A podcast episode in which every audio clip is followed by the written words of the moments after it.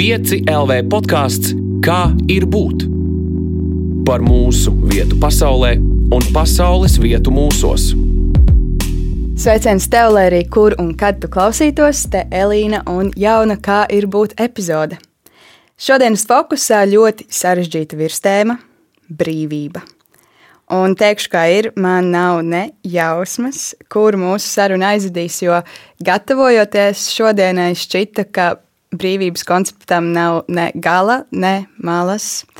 Un līdz ar to sarunas virziens būs atkarīgs no šodienas sarunas biedra. Un pie manis ir Ričards Stibe. Čau, Ričard! Čau! Es sākumā tev pastāstīšu visu, ko es par tevi zinu. Es zinu to, ka tev ir 23 gadi. Tu man labo, ja man kāds fakts ir dabūts nepareizs. Jā. Tu studē ģeoloģiju, un tu mīli savu ģimeni. Tu man vari izstāstīt, ko es par tevi nezinu? Tas ir ģeoloģija un ģimene ļoti precīzi. Tomēr, laikam, tie 23 gadi iekļauj krietni vairāk, vairāk par to mīlestības, kas ir veidojušās arī ārpus ģimenes cilvēkos, dabā, pasākumos. Darbojos ļoti brīvi un plūstoši dažādos virzienos. Tāpēc pat ir grūti definēt uh, mani tikai kā ģeologu. Tavs sitienu baigi daudz nevarēšu pateikt, gan jau sarunas laikā. Es zinu vēl vienu lietu par tevi. Es zinu, ka tu devies kāpt Kazbekā. Jā, Un, um, tā ir viena no augstākajām virsotnēm Grūzijā, uh, Kaukazos. Bet mirkli pirms virsotnes sasniegšanas tu apgriezies un devies atpakaļ. Vai tu vari lūdzu mani tagad aizvest uz to mirkli, pastāstīt, kas tur notiek, ko tu redzi, kā tu jūties, ko tu domā? labi. Mēs sākām noslēdzošo posmu uz virsotni pusdienos naktī, pilnīgā bezvējā. Bija spožs mēnesis, zvaigžņots debesis, bez neviena mākoņa. Kā teikti, kaut arī uztraukums, tomēr apkārtējais liecināja, ka, ka, viss, ka viss būs labi. Un tā gājiena laikā es pieredzēju it kā lasīto, bet uh, negaidīto ka- kalnu slimību. Uz to brīdi, kad pirms pieciem sāka aust saule, mēs bijām virs 4000 metriem. Es nokritu uh, uz ledā, jo vairs nebija spējīgs kustēties, pateicoties tam, cik slikta duša. Un uh, pirmo reizi tā, ka tas saka ķermenim, dari, ķermenis atsakās. Uh, Komanda sasaist palīdzēja man atgūties ar kaut kādu ripiņu iedevu un batona, batoniņu fragment nograuzties. un Tad sa savācos un varējām turpināt ceļu. Un tas, tas, kas notika vēlāk, esot jau Kazbeka plecā, bija pieņēmusies spēkā vētra. Uz ā, 30 metriem sekundē vējš, temperatūra ārā mīnus 20 grādi. Un, mūsu kompānijā bija daudzi maz pieredzējuši cilvēki. Un neesot droši par savām spējām, jo arī man tā pieredze bija vāja, kaut arī bija klausies visas apmācības. Bija jā, jāizdara lēmums, vai kāpt līdz galam augšā, atlikušos 150 metrus. Šajā vētrā, šajos skarbajos apstākļos, un tas bija tas brīdis, kad es iedomājos par ģimeni, par vietu, kur es vēlos būt, un par atpakaļceļu.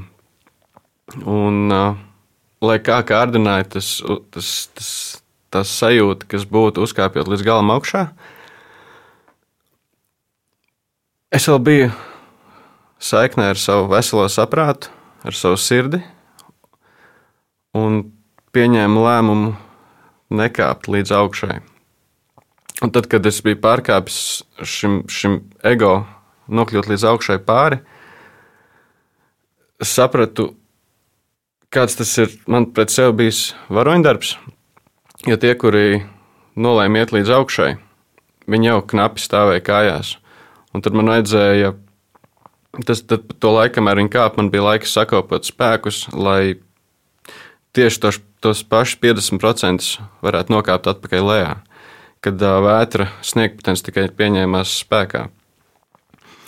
Un arī nu, cilvēkiem sāk zust šī saikne ar, ar sevi, ar savām domām, tādos skarbos apstākļos, nu, tad vajag būt kādam, kurš tad uh, kritiskajā situācijā spēs visus noturēt pie zemes, pie kalna. Un tajā brīdī, kad sasaiste, kas gāja aiz manis, krita, tajā brīdī es nopriecājos, ka, ka izdarīju šo lēmumu. Un viss beigās veseli aizgāja mājās. Tomēr tas, tas, tas pārdzīvojums tikai tagad, piecus gadus vēlāk, sāk tikai mazliet atkopties. Kas bija tā brīvība, ko tu tajā brīdī jūti?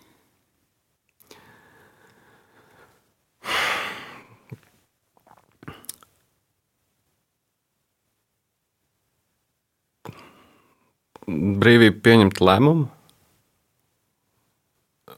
ko neietekmē apkārtējie, ko, kam nestāv pretī es pats.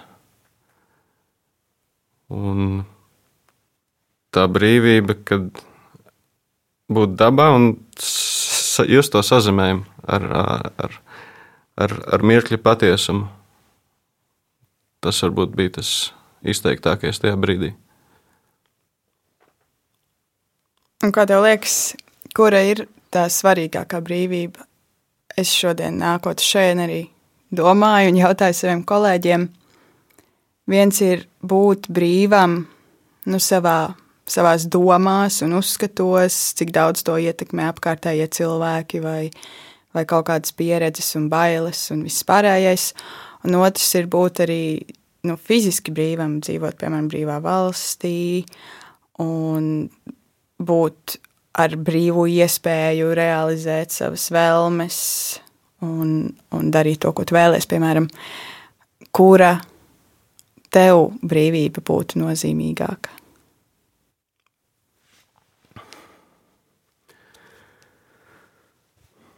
Man liekas, vispār ir divas brīvības. Viena ir dotā brīvība, ko tev iedod ģimene, valsts, sabiedrība. Otrs, otra ir izvēlētā brīvība, kur cilvēks pats pieņem lēmumu Un, uh, atkārto lūdzu, lūdzu jautājumu, es mazliet pazudu. Viss kārtībā. Respektīvi, viena ir tā, es, es arī par divām brīvībām runāju. Viena ir tā iekšējā brīvība, kas Jā. ir um, mūsu galvā, cik mēs esam brīvi mūsu galvā, un otrs, cik mēs esam brīvi fiziskajā pasaulē darīt to, Jā. ko mēs vēlamies. Kas tev būtu būtiskāk, ja tev būtu jāizvēlās, ka tu drīkst ņemt tikai vienu?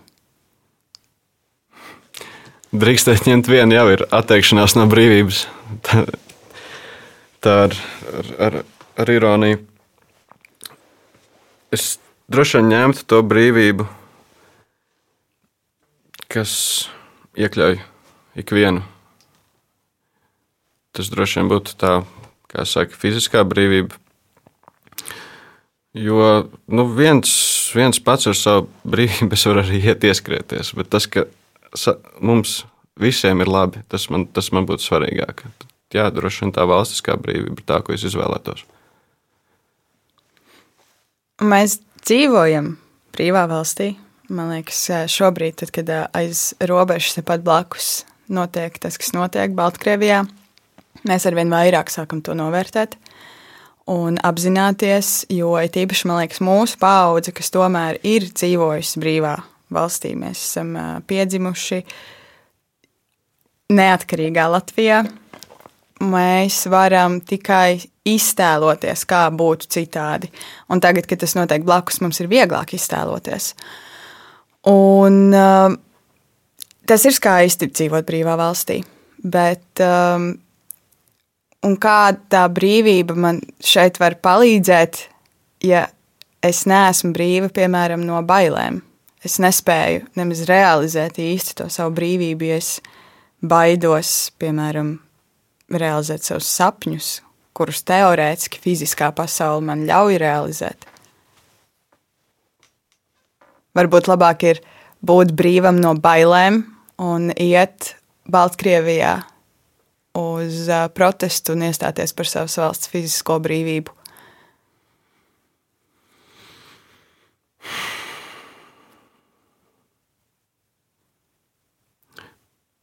Man teiksim, šāda iešana protestā neasociējas ar cilvēku nu, brīvību no iekšējām bailēm. To var izdarīt neatkarīgi no tā, vai tev ir vai nav bail. Aiziet uh, protestā un cīnīties. Es vairāk tās iekšējās bailes saprotu kā kaut ko tādu, kam tu ikdienā netiec pāri. Un, ja es spētu, es visiem, kuriem ir bail, uzlikt rokas plakts un teikt, nebaidies. Es nebaidīšos kaut vai kopā ar tevi, bet lūdzu, nebaidies. Tu no kaut kā baidies? Jā.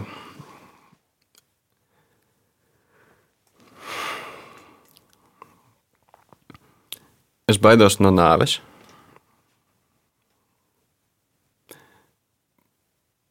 Tomēr ar tādu nevis paniku, bet patīkamu bijību. Jo pateicoties tam, man varās vaļā sarunas ar sevi, ar citiem, par to, kā ir būt, cik, cik vērtīgi ir būt, cik ikdienišķi ir būt. Tik, nu, ir, ir, ir, ir apzinoties visu, kas var noiet greizi, un zinot, Mērfī, vienmēr kaut kas noies greizi ir, ir, ir iemesls smaidīt biežāk, kad nonākot saskarsmē ar bailēm un neļaujot tām kļūt par, par aizēnojumu.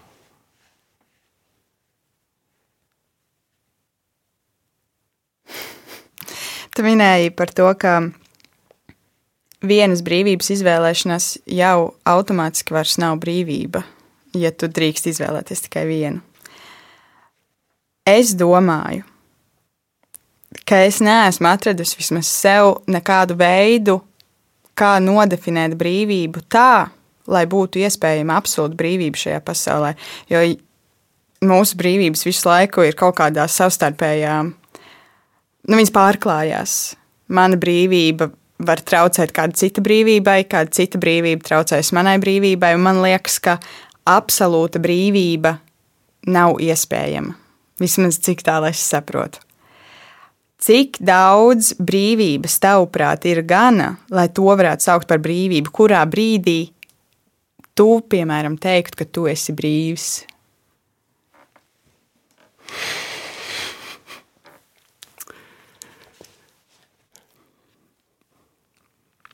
Jo, Heidī. Bieži ikdienā par tik sarežģītiem jautājumiem nerunā.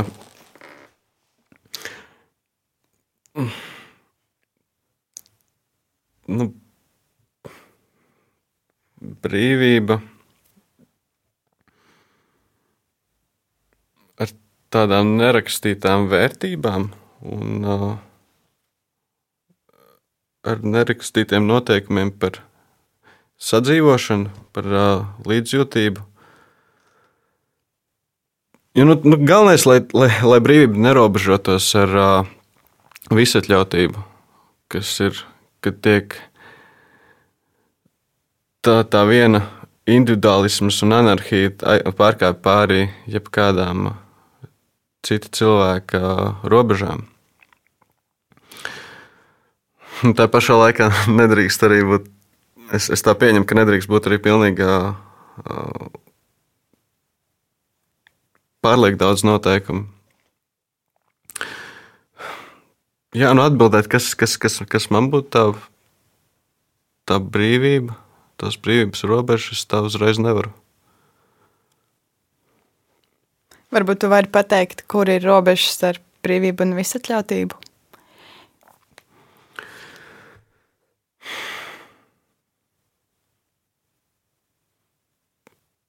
Brīvība, kad tev ir dot vaļa, justies un rīkoties cilvēcīgi. Visatļautība, kad tu to izmanto ārpus paškontroles, ārpus nu, neņemot kaut kādu kopējo bildi par to, ko nozīmē sabiedrībā sadzīvot un sabiedrībā būt, eksistēt. Nesen arī uzdevu šo jautājumu un uh, minēju piemēru filmu Jokers, kur, kur viss iziet ārpus rāmjiem. Varbūt, varbūt kādam tas dod kādu satisfakciju, bet tomēr cilvēki mēs esam mier, miermīloši un mīloši. Un tāpēc arī mēs esam kaut kā vēsturiski noteikuši šo tādus, tādus kā noteikumus, kā dzīvot mierā un kopā. Bet daudz kur nav miers. Nav. Jā, es runāju utopiski. Jā, mēs dzīvojam realitātē, vai ne? Jā, ir, ir, ir grūti no Latvijas ar latviešu acīm ielūkoties kādā skarbākā realitātē. Realitātē, ko mēs nepiedzīvojam Āfrikas stāstos, Amerikas stāstos, Dienvidamerikas, tā zemes, jebkur, kur mums pasaule ir sveša. Un, un, un. Bet nu nav jau mums arī jādomā par uh, globālo vispasaules brīvību. Sāksim paši ar sevi. Un uh, droši vien tad globāli aicināsim ņemt piemēru, kad paši, paši būsim tikuši mierā ar sevi. Vai es pareizi saprotu, ka tu daudz ceļo? Ir sanācis. Vai tev tā ir brīvība? Nonācis līdz punktam, kad vairs ceļošana nav brīvība. Man tā bija iedomāta brīvība. Pastāsti. 11. klasē man bija sakrāmēt ceļu somu, lai dotos prom no skolas un no mājām. Domājot, ka nu tik būs, aiziešu dzīvē, apiešu apkārt kājām pasaulē. Ko es domāju tajā brīdī? Kas sevi mēģināja apmuļķot, ka tas ir, ka esmu gudrāks par citiem un ka tad, tad nu tagad dabūšu savu, savu to brīvību. Tā nav. Arī ceļojot, tagad skaistākais, kas var notikt, ir atgriešanās mājās. Mm, man brīvība, brīvība ar sevi nonāca tajā brīdī, kad es sapratu, ka man nav nepieciešams bēgt. Ne no citiem, ne no sevis. Un tad ceļojums šobrīd ir vairāk kā solis uz priekšu, lai varētu atnākt atpakaļ. Kad teikt, izrauties mazliet, novērtēt vietu, kurā es esmu, atgriezties un turpināt savu ceļu. Tikko arī aizlidoju uz Berlīni jūlijā beigās. Vienkārši izskrieties. Izskrējos, esmu atpakaļ un aiziet, turpinu. 11. klase. Tu gribi pamest mājas un skolu un apceļot pasauli. Kāpēc?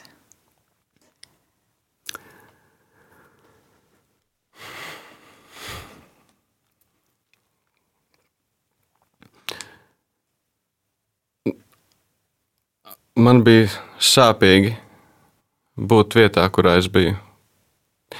Biju lasījis tik daudz grāmatas, mūziku, klausījies, filmas, skatījies.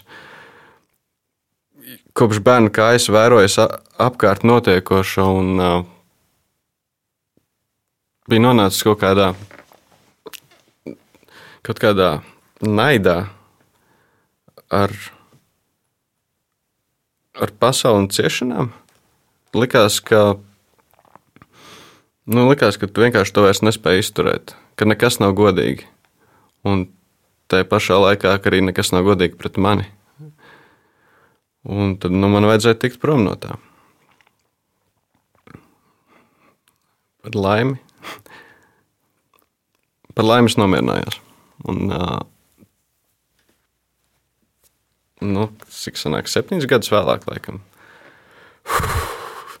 Katru otro dienu uzelpoju par, par to, ka tomēr pieņēmu pareizo izvēli. Ar ko tu, ne, kas tev likās, ka ir pret tevi negodīgi? Kas ir tā sajūta, kurai tu gāji cauri?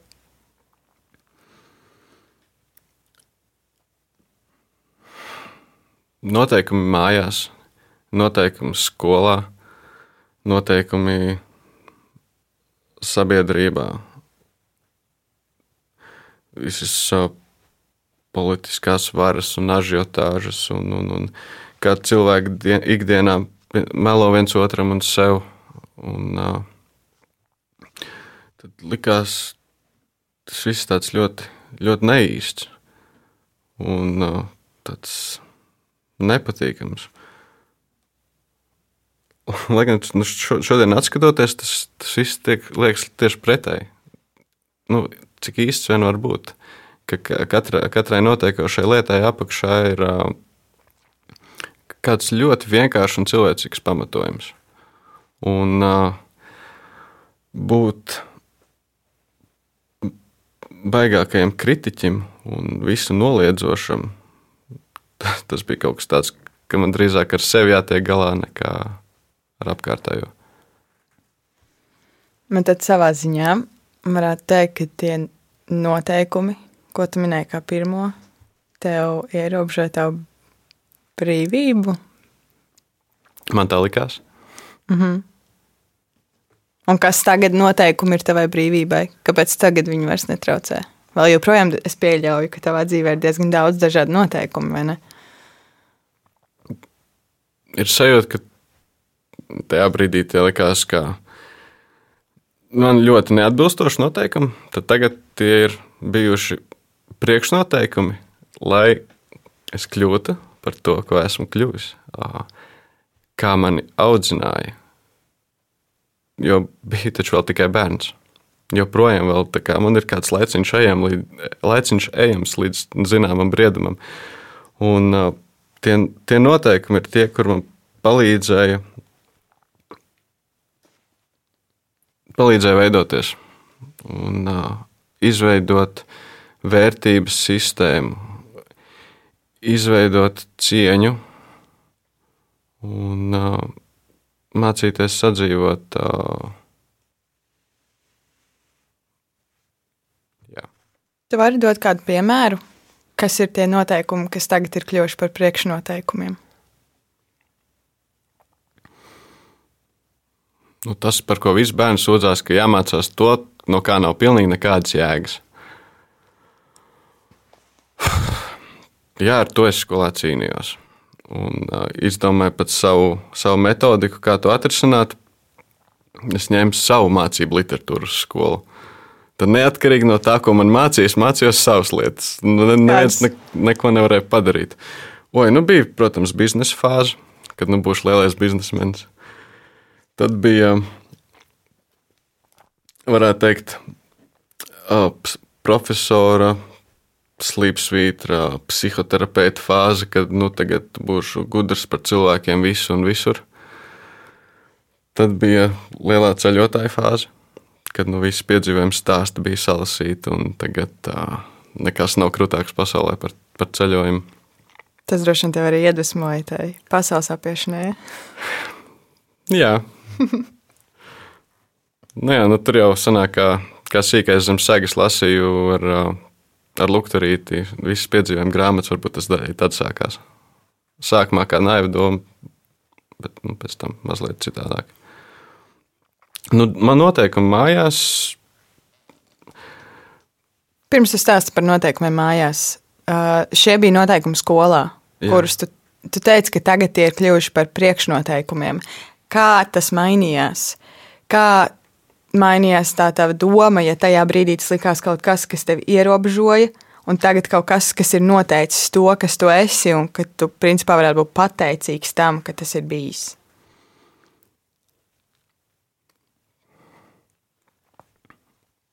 Kā, kā jau teicu, vērtības sistēma nāk ar laiku. Un, nu, tagad ir tas kaut kādas vērtības izveidojušās. Um, nu, kā lai, kā lai šo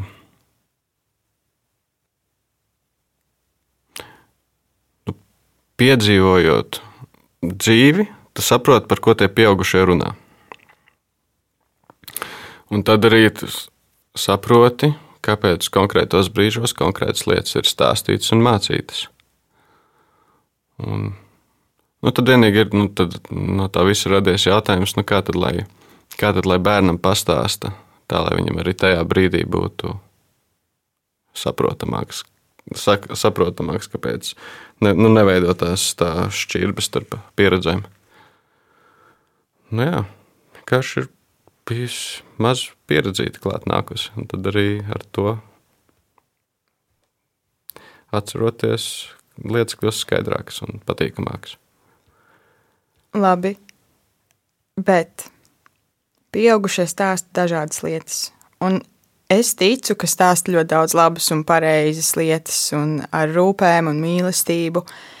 Bet noteikti ir pieaugušie, kas un arī tie, kas stāsta ar mīlestību.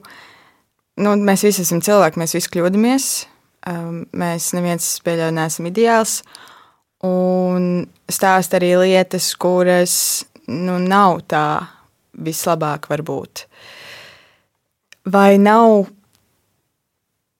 kaut kādai, jābūt kaut kādai vajadzībai un iespējai arī tomēr apšaubīt un ka tam ir jābūt kaut kādam procesam. Citādi, nu, piemēram, tu tagad saki, ka nu, pieaugušie tomēr zina, piemēram, labāk. Ja es visu pieņemtu, kur tas mani aizvestu, ir, ir man liekas, manā dzīvē ir bijis ļoti labi. Es esmu daudzas lietas apšaubījis, kas man ir, man ir mācīts darīt tā, un es esmu pateikusi, nē, es gribu citādi, un es spītējos. es esmu ļoti spītīga. Un es spītējos un eju un daru tā, kā man liekas, ka ir pareizi. Okay? Bieži vien sanāk aplausties, vienkārši sakot, bet bieži vien man liekas, ka tas man tiešām aizved kaut kur tālāk. Jā. Tad varbūt ir, ir jātaisa stundas, kas ir apšaubīšanas mācība. Klāt likt nezināšanas mācību, klāt likt nevienam pieaugušam nav taisnība mācība. nu, protams, tas ir, tas ir dabiski, tam ir jāiziet cauri. Un...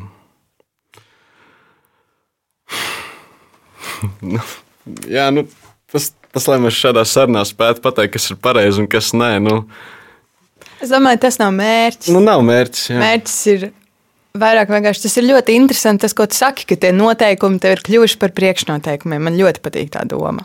Un es cenšos uzreiz attiecināt uz savu dzīvi, un man droši vien arī daudzi noteikumi, kas man kādreiz likās pilnīgi absurdi, muļķīgi, un kāpēc man kāds par to liek darīt, daudzi no viņiem ir man par, kļuvuši par priekšnoteikumiem. Bet tajā pašā laikā es redzu ļoti arī daudzus kurus es priecājos, ka es esmu viņiem situsies cauri. Un uh, esmu to mainījis, jo citādi es nezinu, kāds pieaugušais var teikt, ka ir ok, es nezinu, atriepties. Vienkārši ir ok. Un, ja es to tajā brīdī pie, pieņemu un neapšaubu, tad um, tas kļūst par manu priekšnoteikumu. Jā, nu, kritiski, šo droši vien sauc par kritisko domāšanu. Un, nu, neatceros, ka man skolā tāda būtu mācīta. būtu bijis, būt bijis fēni. Tā liekas, ka kritisko domāšanu var iemācīt vienā stundā, vai tam vajadzētu būt vienkārši priekšnoteikumi priekš visām mācību stundām? Jā, tam ir, es domāju, tam ir jābūt priekšnoteikumam. Varētu, es iedomājos tagad, ka varētu, piemēram, kādā bioloģijā uzdot kādu mājas darbu, iepazīstināt ar kaut kādu neeksistējošu dzīvnieku. Un tad varētu bioloģijas skolotāji pārbaudīt, cik daudz jauniešu, piemēram, uh, sap, atrod to, ka tāds dzīv, dzīvnieks nemaz neeksistē. O, jā, tas ir intriģējoši. Tas sāk kļūt baigi interesanti. Tas būs mans piedāvājums. Aizsūtīšu uz izglītības ministriju, um, lai, lai iekļautu, nesatura to centru. Bet um, atgriežoties pie noteikumiem, priekšnoteikumiem, kā tev liekas, um, tu esi brīvs no savu vecāku kļūdām?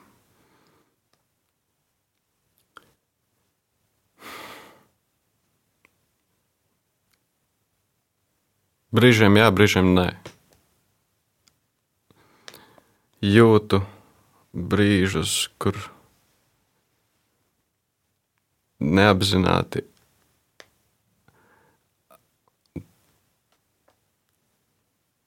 domāju, vai jūtos un izdaru izvēles līdzīgi kā viņi, tikai nu, 20 dažus gadus vēlāk. Un tajā pašā laikā es jau ļoti sen esmu vērojis viņus un, un runājis ar viņiem par tām kļūdām, ko viņi ir pieļāvuši. Mums ir ģimenē, mēs vienmēr esam runājuši par, sauksim tās par aizliegtām tēmām, kas ir absolūti normālas, kas ir vecāku kļūdas, nepatīkami atgadījumi ģimenēs, seks. Visas šīs tēmas mēs esam runājuši par tām, un tāpēc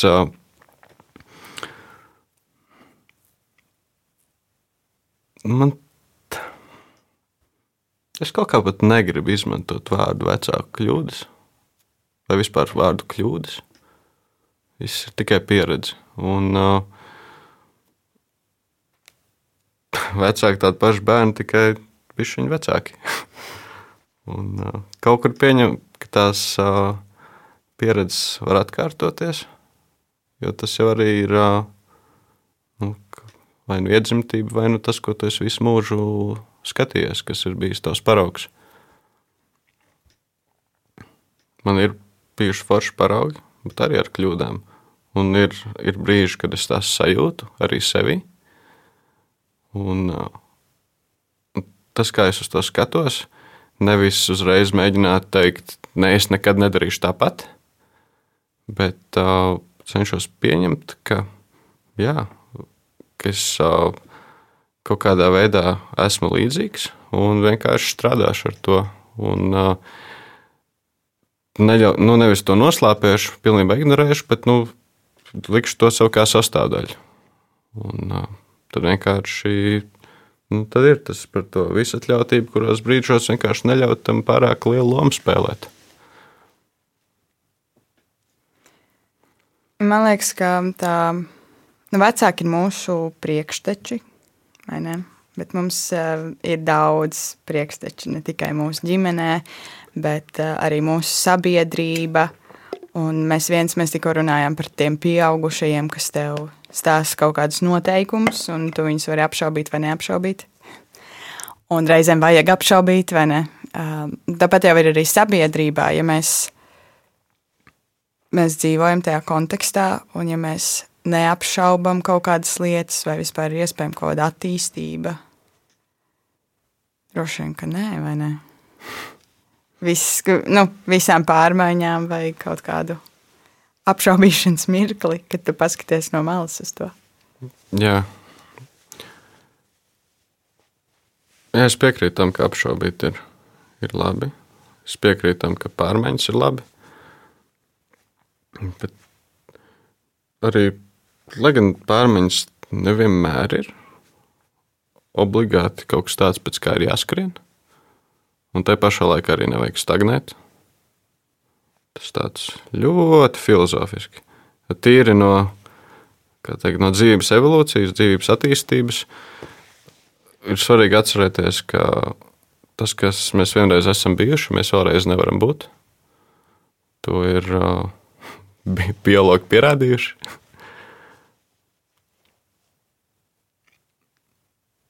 Nezinu, ko ar to gribēju pateikt. Ja bet, pas, pa, bet, pas, bet pastāsti par to, kas, kas tu esi bijis, kas tu vairs nevari būt.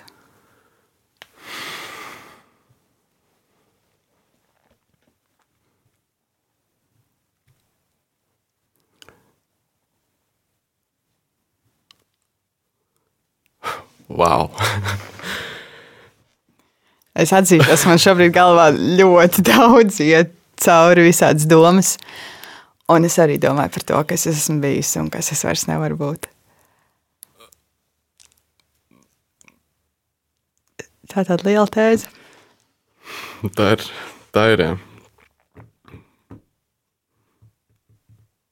Varbūt būtu vieglāk atbildēt, kas sabiedrība ir bijusi un vairs nevar būt. Labi. Bet nu, tā pašā laikā, ja, ja tu man uzdod šādu jautājumu, es atkal pauzēju. man vajag dienu vai divas par to, par to padomāt. Kā tev liekas, eh, viss notiek, um, parasti saka, viss ciklisks vai nu, parasti, kas, kas ir izteicieni? Daudzi vai daži ir, ir tādu domu pārstāvji, kas uzskata, ka viss notiek uh, vēsturē cikliski. Mēs uh, ejam savā veidā uz apli cits izvilks to apli un uztaisīs par spirāli. Cits viņu galīgi izstieps un vēl pagriezīs un pateiks, ka nē, mēs ejam kaut kādā līnijā, nebeidzamā attīstībā. Kā tev liekas, vai, ja tu saki, ka sabiedrība un cilvēks nevar būt tas, kas, kas jau vienreiz ir bijis, nav kaut kā, ka kaut kādas lietas tomēr nāk atpakaļ sabiedrībā? Nu, izslēgt to, kas ir cilvēks pēc definīcijas, nevar. Un, uh, vēsture atkārtojusies un atkārtosies. Tomēr uh, nāk klāts laiks un izglītība. Un, uh,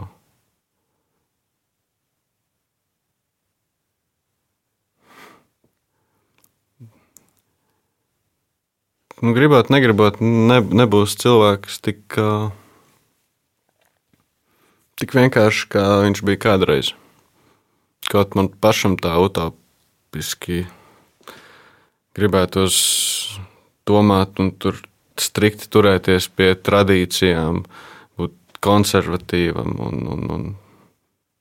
Ja godīgi tā doma tikai šodien pie manis atnāca, ka, ka vairs nu, nevaram būt tur, kur reiz esam bijuši un ir jāļaujās strāmai, lai kurp tā vestu. Jo ainava mainīsies, un tagad mainās īpaši strauji. Un, godīgi sakot, es pārāk nebaidos pat no izmaiņām, kas notiek šobrīd. Sākot ar mārtu, protams, pirmais bija šoks. Tomēr tagad lecam laivā un nairējamies līdzi. Nu, kā kaut kā jau ir, kaut kā jau ir jāturpina. Un, un, un, un varbūt mēs tikai augsim pēc šī. Bet daudziem tieši šis pavasaris asociējas ar brīvības ierobežojumiem. Kā, kā tev tas bija? Kā tev pagāja tas laiks, vai tev likās, ka tava brīvība ir ierobežota?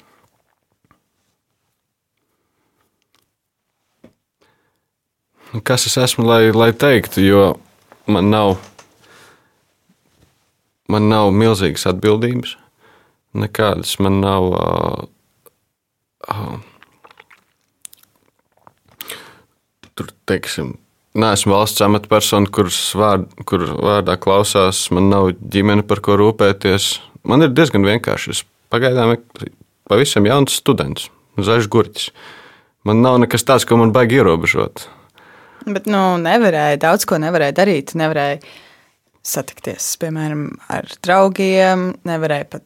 Es nedrīkstēju iet pie vecmāmiņas ciemos, nedrīkstēju veikalā stāvēt pie plaukta un ilgi domāt, tāpēc ka kāds cits stāv divus metrus no tevis, un tev ir jāpaņem ātri tas, ko tu gribi, un jāskrien prom, lai viņam arī pietika laiks to paņemt. Tas bija tik dažādas, gan lielas, gan mazas lietas, kas tika ierobežotas.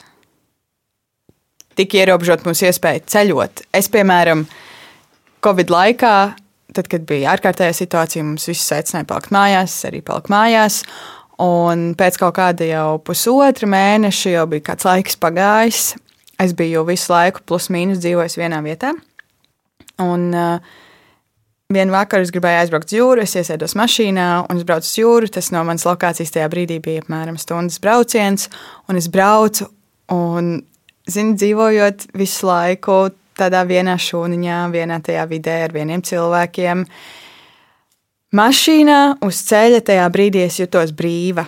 Man tas bija, ta, tas bija tāds brīvības mirklis līdz vienam momentam, kad es savā prātā sapratu, jā, es tā varētu braukt, mūzika, tur ceļš, skaists laiks, varētu braukt nebeidzami.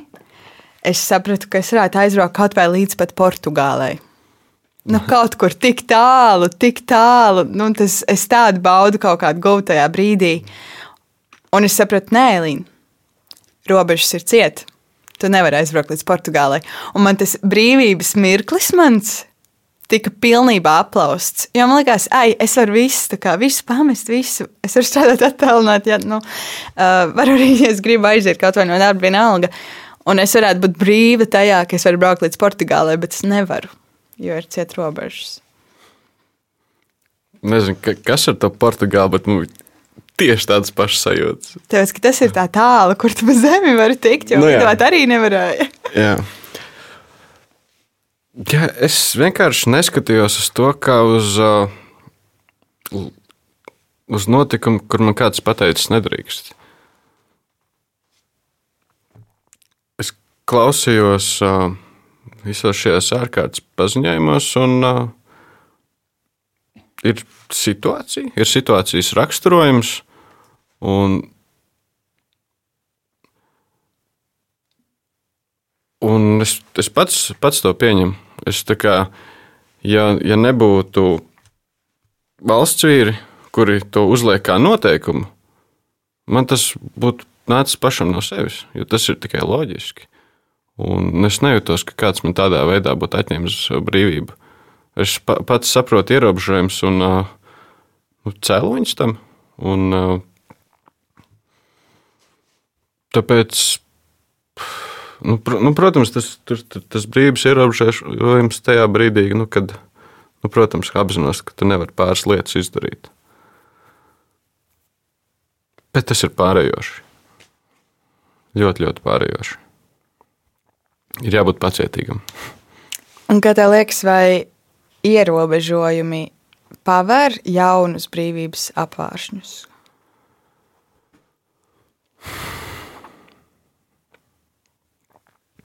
nu, tajā brīdī, ja tas izrauj no tuneļa redzējuma, tad jā, cik daudzi tagad pievērsās lietām, kas, no kurām bija atsacījušies, vai kas vienkārši nebija ienākuši prātā, ienākušas prātā. Nu, tā varētu teikt, jā. Tev arī bija kāda lieta, kas, kur tev šie pavasara ierobežojumi pavēra kaut kādu jaunu brīvību? Nē, man. Uh... Tas gan brīvs. Ja. Nē, man 19. gads bija trakāks par 20. Kāpēc? Un, oi, piedzīvoju. Uh, piedzīvoju dzīvi visā tās pilnībā, līdz galējam lūzuma punktam, emocionālam, kas, kas beidzās arī gada noslēgumā ar psihoterapiju. Jo, nu, kad atzinos sev, ka pats vairs neesmu spējīgs ar visu tikt galā, nu, kad, vajag, kad vajag aiziet pie ārsta. Kaut kā paveicos, pieco, piecos setos tikām cauri ar visu. Un, nu, protams, pēc tam vēl kāds laiciņš atkāpties. Tā kā jā, nu man bija 19. gads gana traks, un uh, arī viss, kas tagad 20. gadā notika, nu, tas vienkārši bija turpinājums tādam pašatlapšanas procesam, jaunas enerģijas apguvēji. Un tad jautājums bija tikai, kur šo enerģiju likt. Un, uh, jūtu, ka sāk parādīties virzieni, kuros likt šo enerģiju, un tad es sāku palikt priecīgs. Kāda te ir? Vai tu vari padalīties?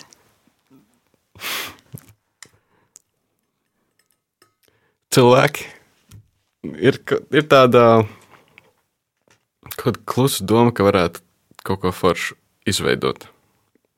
Kas tas ir? Man vēl nav formulējuma. Tomēr man tas, tas īsti neliek, neliek mieru. Kaut ko priekš cilvēku izdarīt. Un, lai ik viens, kurš sev sauc par cilvēku, būtu ieguvējis no tā. Nu, nu nezinu, varbūt parunājam pēc desmit gadiem. Nu, tad, tad, tad arī man būs skaidrs, kas tas ir. varbūt izglītība. Man liekas, interesanti, ka mēs apgājām tagad īstenībā liekas, kaut kādu savu veidu apli. Es tev pašā sākumā jautāju par to mentālo un fizisko brīvību. Es nezinu, vai to tā var nosaukt, bet es to tā nosaucu. Un tagad tas 2020. un fiziskā nebrīve, un tad tavs 19. gads un kaut kāda, es to atļaušos definēt kā mentālo nebrīvi. Un, kad tu saki, ka tas 19. bija trakāks par to 20. kas ir tas fiziskais, tad varbūt apjot tādu apli man gribētos darīt, izdarīt kaut kādu secinājumu, ka varbūt tas, kas tā galva, brīvība galvā varbūt ir pat būtiskāka mūsu kaut kādā labsajūtā. Jā, Bet, nav, bet nav. man iepriecināja. Tu man reāli iepriecināji ar šo domu. Jā, nu tā. Lai cik grūti būtu laiki, ja tev ir iekšējā brīvība, tad tiks visam cauri. Jā, tas ir, tas ir kaut kas neatņemams. To tiešām nevar atņemt. Tāpat kā pieredzi nevar atņemt, laiku nevar atņemt, zināšanas nevar atņemt. Nu, protams, ja tu neatsties kaut kur ar motociklu. Bet, uh, jā, tas ir. Uh, tas, iet, tas iet cauri laikam un cauri grūtībām, šī iekšējā brīvība. Kā tev liekas, vai brīvība pieder cilvēkam, vai cilvēks pieder brīvībai?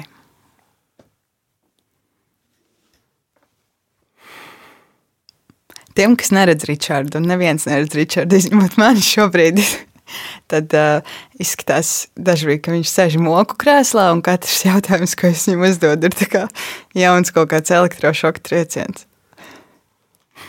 Patīkams moks. Bet tā, man liekas, ir ar šādām lietām, ne? No, ar tādām tēmām un jautājumiem, vismaz man pašai, tas tiešām reizēm var sagādāt tādu spriedzi galvā, tādu spiedienu, bet uh, viņš ir uh, vērtīgs. Tas ne viņš. Jā, nu vai, vai, vai brīvība pieder cilvēkam vai cilvēks brīvībai? Es nezinu. Tā ir tik normāla atbilde, vai ne? Un mums nevajadzētu baidīties no šīs atbildes. un Man liekas, ka mēs tik daudz nezinām, it īpaši par brīvību. Tad visas, eh, visas tās lietas, ko mēs runājam, var staipīt uz vienu pusi un uz otru pusi. Un sākumā mēs runājām par to, ka fiziska brīvība ir svarīgāka, bet hei, mēs esam, es īsti nesaprotu, cik tajā pulksnī ātri nemāk rēķināt, cik mēs ilgi esam norunājuši. Un mēs nonākam pie mentālās brīvības. Bet, um, ja mēs pagriežam atkal uz citu pusi to mūsu brīvības pulksteni, viena tēma, kas man interesē, ir um, tas, cik ļoti mana brīvība traucē citiem būt brīviem. Un, um, man tas tiešām ļoti rūp.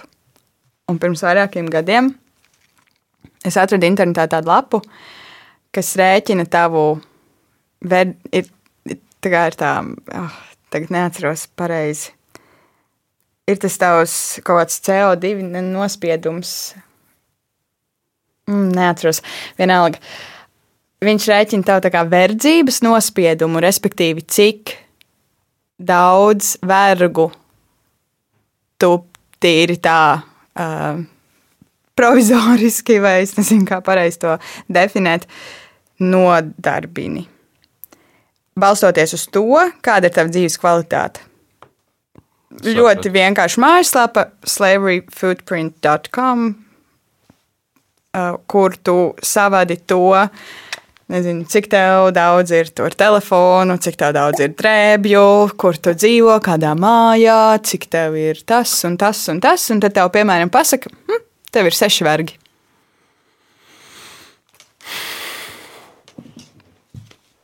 Ok, vai šim seko jautājums? Kādas tev ir attiecības ar verdzību? Es domāju par, par to, ka nu, cik ļoti es varu būt droši par savu brīvību. Respektīvi, es, te, es jūtos brīva. Fiziski es jūtos brīva. Man liekas, ka man ir iespējas, man liekas, ka man ir uh, viss potenciāls darīt to, ko es vēlos. Brīva valsts. Bet tad es saprotu, ka es ar savu brīvību atņemu kādam citam. Un es nezinu, ko ar to darīt.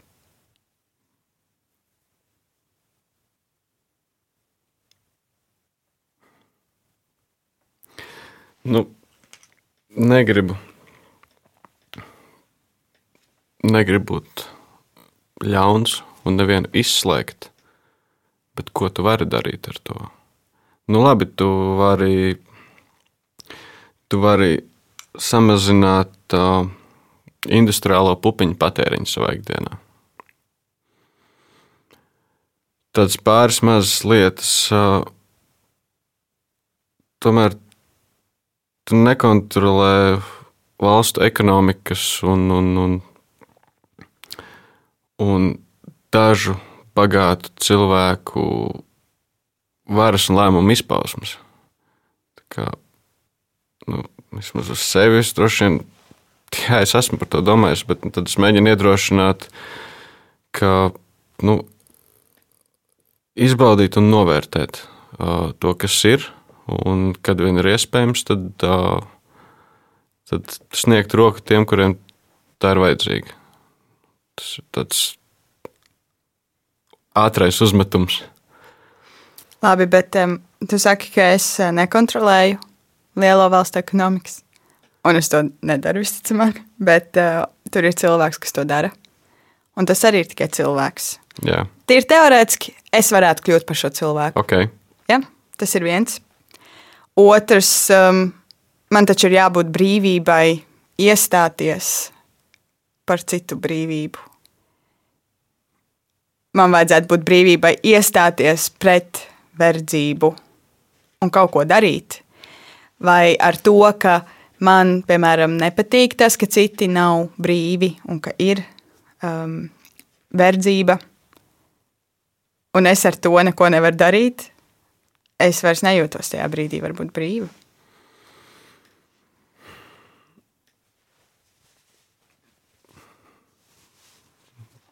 Mēs sanāk, ka tu esi uzlikusi savu vainu par to, ko apzināti nemaz neesi izdarījusi.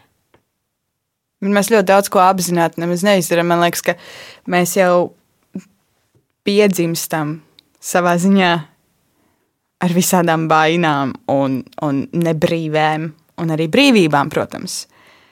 Bet mēs piedzimstam konkrētā kontekstā, konkrētos note noteikumos, konkrētās ģimenēs, vietās un tā tālāk. Un tā joprojām. Un tas jau mums ir uzlicis tik daudz šos priekšnoteikumus, kurus mēs vairs nevaram apgāzt. Mēs viņus neizvēlamies. Man nav brīvība izvēlēties, kur piedzimt. Es varēju piedzimt ģimenē, kur ir um, verdzība, piemēram, kur ir daļa no šīs sistēmas.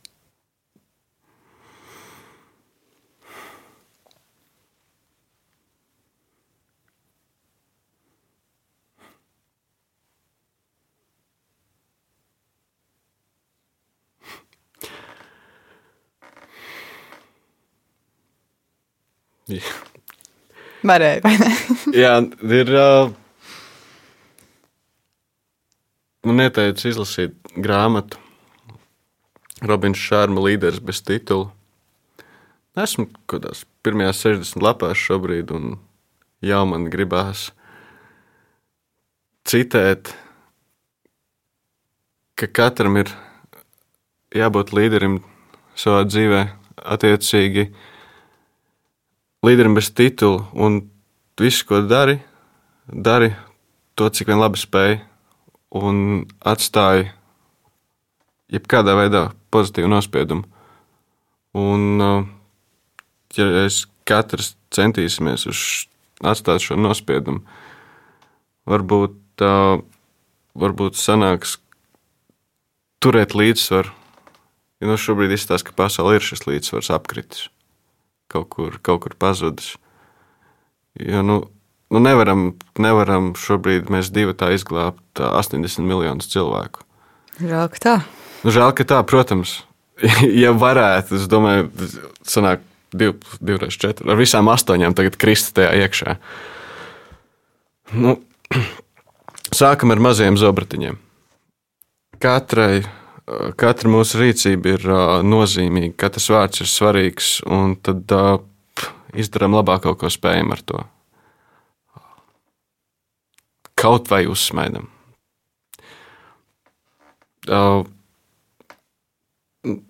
Nebaidamies nokļūt problemātiskās situācijās vai šādās saskarsmē ar sevi, kur ir sajūta, ka nu, tagad es radu šo verdzību un, un es tur neko nespēju kontrolēt.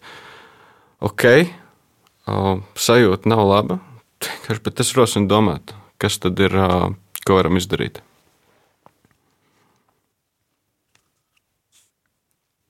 Mēs mājam tagad ar galvu. Es domāju par um, to, ka ļoti iespējams, um, kā tu saki, mēs uh, katrs esam savā vietā, un mums katram jādara tas uh, labākais. Tajā pašā laikā mēs esam ļoti, ļoti saistīti. Mēs, uh, es domāju, ka es viena nespēju realizēt savu brīvību. Respektīvi, lai es realizētu visu, kam es jūtos tik ļoti brīva, man ir vajadzīgi daudz citi. Un varbūt patiesībā man ir jādomā nevis par to, ka es ar savu brīvību ierobežoju citu brīvības, bet man ir jādomā par to, kā es ar savu brīvību varu palīdzēt citām brīvībām būt. Jā, stāsts par radīšanu. Uh, jā, man arī ir. Uh, esmu dzīvē bijis apdāvināts. Liela ģimene, arī turīga ģimene un man ir iespējas, par kurām sākumā es jūtos vainīgs. Un tagad tā vietā, lai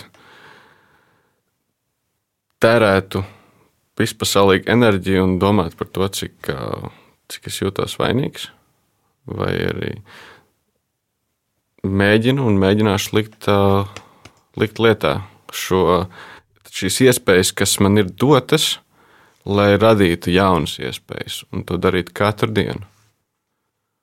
Un uh, radīt iespējas, vietu, prieku, smaidu, kā tikai radīt. Pozitīvi. Ļoti pozitīvi. Ejot atpakaļ, tagad lēnām nonākam atkal tajos kalnos. Un, um, Es ceru, ka tu drīz mums aizdīsi atpakaļ pa to kalnu un aizdīs mājās, kur tu teici, ka tas beig beigās ir tas tā īstā brīvība atgriezties. Bet kamēr mēs vēl stāvam tur augšā, brīvība no sevis, vai varbūt tāds koncepts, tu minēji kaut ko nedaudz tādu pašā sākumā, ko tas nozīmē? Tas nozīmē cīņu. Jo ļoti ilgstošu cīņu ar sevi, ar savu ego, ar uh, saviem niķiem un stiķiem, ar, ar kaut kādu redzējumu, sevi, redzējumu par sevi kā par gudrāku, labāku vai jā, spējīgāku. Tas viss ir jāmet nost. Tas ir, tas ir fufelis.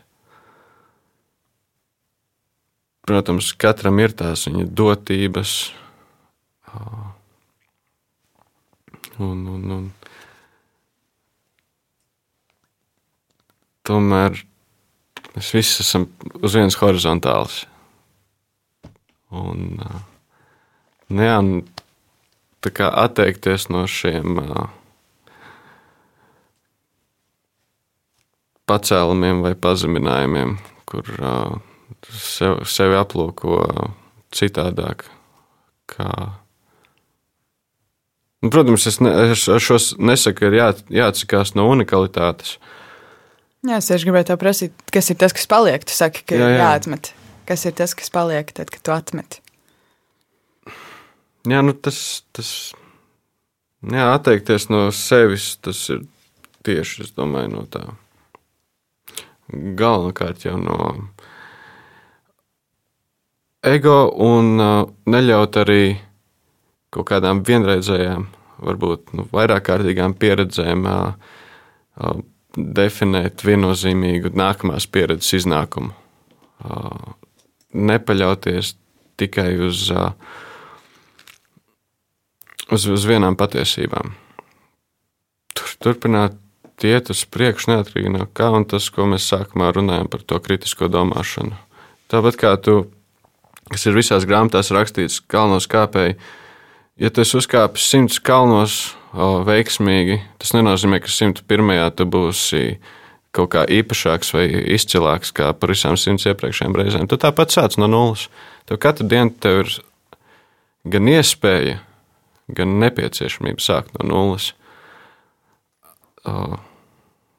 Nekļūt par šķērsli pašam sev un, un citiem. Tad varbūt patiesībā ir nevis jābūt brīvam no sevis, bet ir jābūt sev un jāspēj būt brīvam no citu izveidotā tevis. Ja jā, es, es sapratu, jā. Es ceru, ka arī pārējie saprata, ja nu kāds klausās, ceru. klausīsies. Jā, būt sev un, un jā, nu man, man arī ir bijis grūti no tā, ko citi man ir izveidojuši. To neņemt vērā. Jo es uz to skatos tā automātiski, nu, racionāli. Ok, un viņam noteikti ir kaut kāds pamatojums. Reizēm ir, reizēm nav. Un, nu, jā, tur ir par, par robežām un tas, cik par spēju noturēt līdzsvaru uz tās, uz tās šaurās, šaurā diedziņa, par kuru mēs ejam cauri dzīvei. Ak, mūžīgais balans. Jā, tas jāmeklē. Iņu un jaņu un viss tas. Jā, par um, to brīvību no citiem, man liekas, no citu izveidot uh, tevis. Man liekas, tur ienāk uh, iekšā tāds viens spēcīgs vārds, ko dažādi latvisko ekspektācijas, gaidas, uh, dažādi. Bet tas, ko kāds cits izvirza pret tevi, ko, ko sagaida no tevis, reizēm, ko tu pats sagaidi no sevis kaut kādās situācijās. Man liekas, attīstīt brīvību no tā ir viens.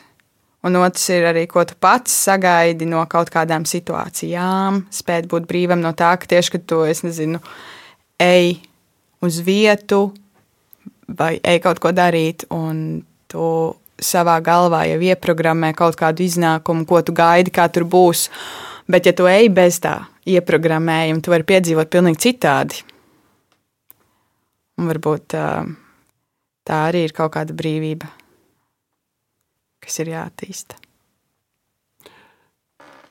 Tā asociējas, ka turēt sevi tīru.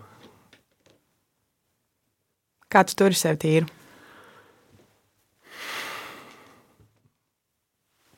elpojot. Nevienmēr, jo es mēdzu aizmirst, ka ir jāelpo.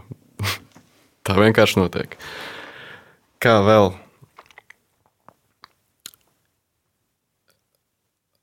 Dzirdot, ko man saka. Mm. It sevišķi brīžos, kad man sāk zust tāds saikne ar sevi, tad paškontroles kļūstu sev un apkārtējiem nepatīkams. Un tāds, nē, nē, nē, šis nav labi. Nu, tad tajā brīdī es sev tuvākiem cilvēkiem prasu, hei, re, kur es esmu sliktā vietā šobrīd, palīdziet, lūdzu, saprast, kas notiek. Un tad, jā, es ne tikai klausos, es arī mēģinu dzirdēt. Protams, tad sanāk vēl pārkāpt pāri tam nepatīkamajam, nepatīkamajam, ko sanāk par sevi dzirdēt, bet tas palīdz atvērt acis. Un, uh, Nesaku, ka es arī vienmēr piekrītu, bet tas tomēr palīdz atkāpties. Tur atkal ienāk tā um, jā. kritiskā domāšana, vai ne? Nevienmēr tas, ko par tevi saka, ir tas, kā tas ir. Jā, nu, jā nu, tas ir tas, tas stāsts par soli atpakaļ, kas brīžiem ir vērtīgi veikt. Vai arī man brīvība ir spēja apstāties. Un, uh, tas iekļauj arī to elpu un vienkārši pavērot uh, sevi, apkārtni. Kas notiek? Padomāt vienkārši, kas notiek. Atstāt, atstāt laiku padomāt. Tas, tas arī ir priekšnoteikums.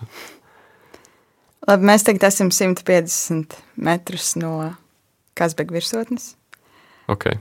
Tu esi tīrs, tu esi apstājies, tu esi padomājis. Aizdīs mums lejā.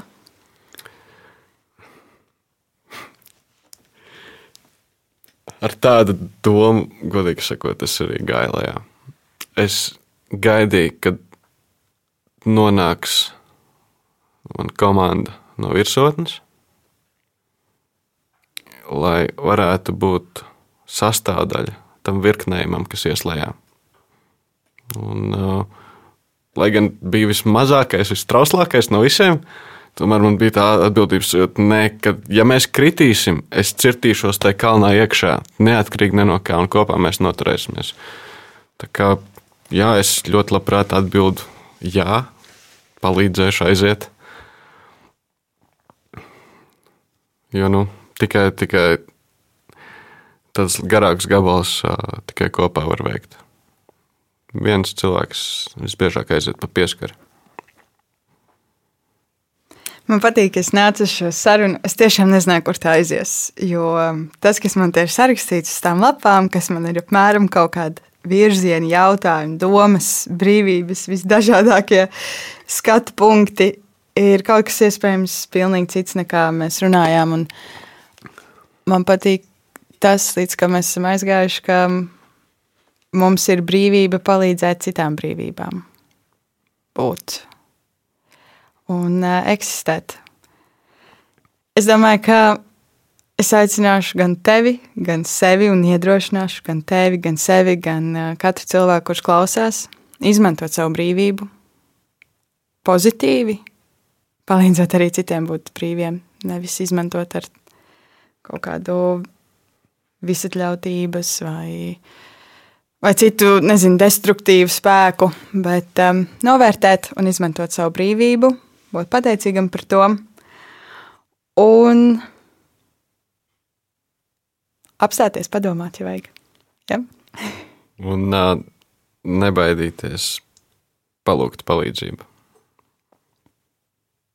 Baigi svarīgi tas ir. Jo, lai, lai ko mēs te runātu, lai kādas būtu mūsu intentions, uh, latviešu nodomi. nodomi.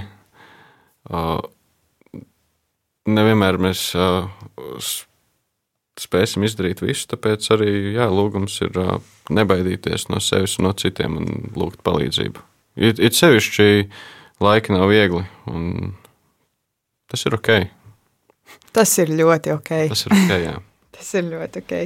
Paldies, tev, Ričard. Man bija ļoti interesanti. Es ceru, ka cilvēki klausīsies un domās tos visus sarežģītos jautājumus par brīvību. Un es ceru, ka arī tu jūties labi.